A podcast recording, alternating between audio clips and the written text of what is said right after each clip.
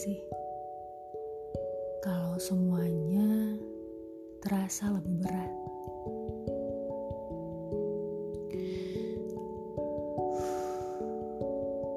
Hal-hal yang biasanya kita jalanin yang ya gitu-gitu aja. Sekarang tuh kayak jadi ngerasa lebih menguras semuanya.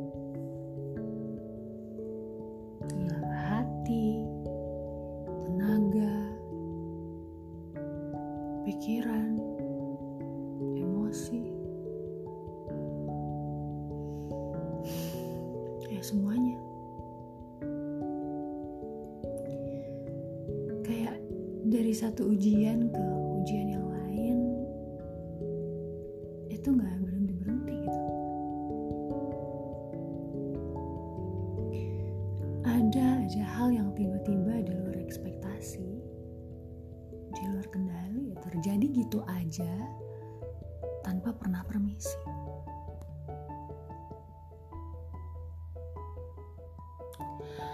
Iya, ini podcast pertama aku ya. Aku harus kenalan dong. Nggak deh, aku nggak akan kenalan. Ya, kalian boleh panggil aku siapa aja yang kalian suka. Asal, asalnya, asal sama-sama nyaman. Yang menurutku sah-sah aja. Yang penting, kamu nyaman di rumah sendiri ya.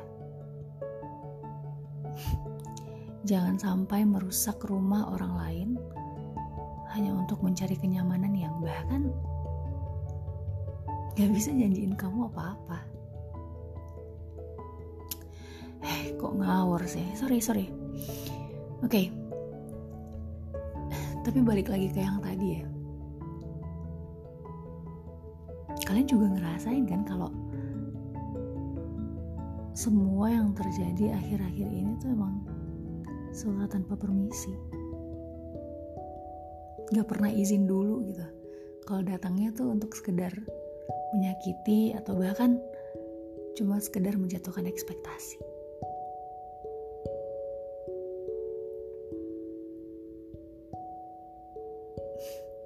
Gini, hal-hal yang sebelumnya udah direncanain sebaik mungkin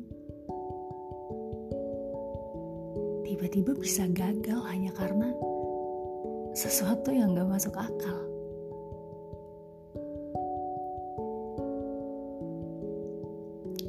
Hal-hal yang sebelumnya udah disepakatin di awal tiba-tiba bisa dilupain gitu aja seakan perjanjian itu tuh gak pernah ada ya ya gimana ya? Kita cuma bisa kaget kan? Kayak ngomong kok bisa sih? Kenapa bisa gini? Ya emang cuma bisa gitu aja kan?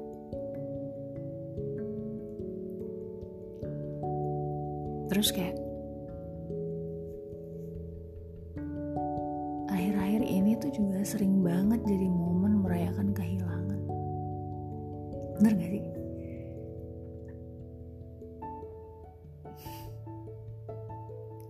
entah kehilangan yang memang sebelumnya udah pernah dipegang sangat erat. Atau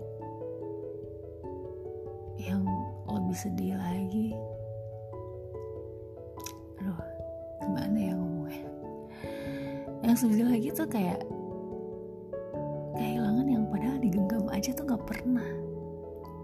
Ya jangankan dimiliki ya Ya emang sih.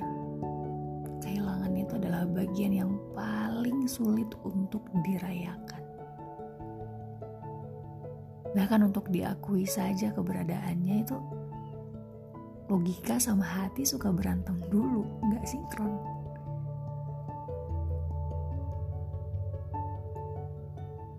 Kadang logika udah tahu nih kalau kita tuh lagi kehilangan tapi lucunya hati masih aja menyangkal kalau masih nganggep kalau sesuatu itu nggak hilang.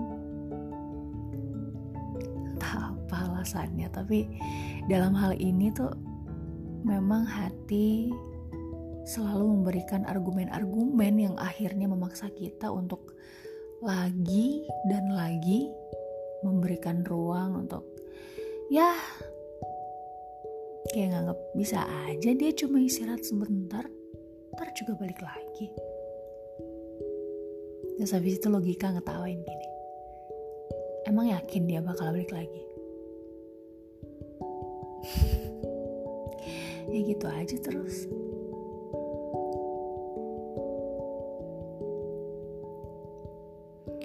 Sempet bingung gak sih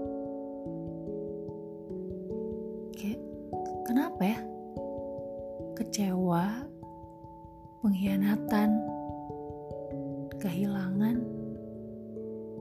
ditinggalkan. Itu kayak lagi keroyokan datang di saat bersamaan. Padahal kalau diinget-inget lagi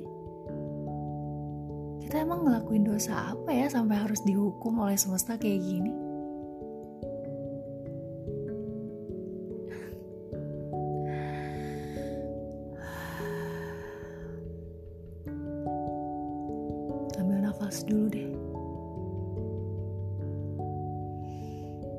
inhale exhale. Sambil dibawa mikir.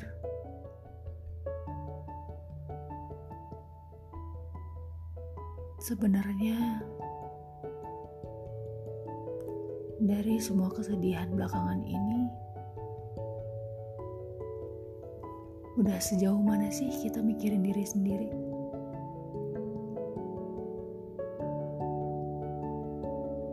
karena secara nggak sadar kesedihan dan kekecewaan itu bisa seenaknya datang kalau kita terlalu mikirin orang lain. Takut menyakiti perasaan orang lain tapi lupa kalau perasaan sendiri juga sedang sakit. Ironinya adalah keseringan menjaga hati orang lain, padahal hati sendiri juga sedang ringkih-ringkihnya.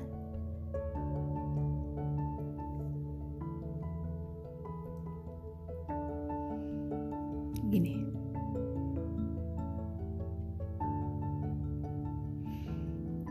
coba deh sekali-sekali biarin hati sendiri cari tahu maunya apa.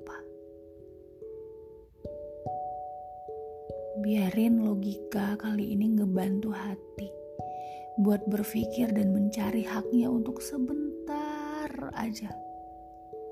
Lega.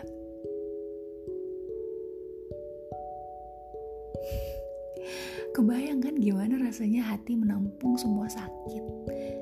Karena keegoisan kita yang selalu mikirin kebahagiaan orang lain. Padahal sendirinya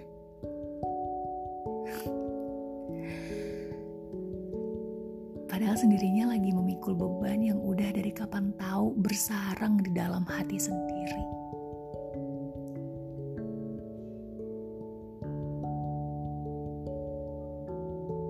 Ya, ya udah, nggak apa-apa. Sekarang, udahan dulu ya mikirin orang lainnya. Sembuhin dulu luka sendiri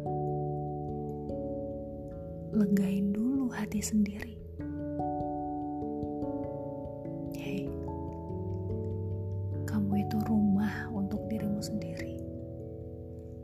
Jangan sampai kamu kehilangan dirimu sendiri cuma karena kamu yang selalu menyangkal kalau kamu lagi kenapa-kenapa. Yuk,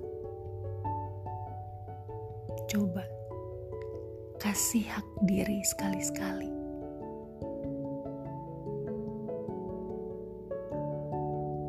Untuk sebentar aja.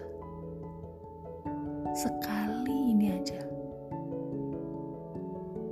Kamu berhak untuk tidak baik-baik saja.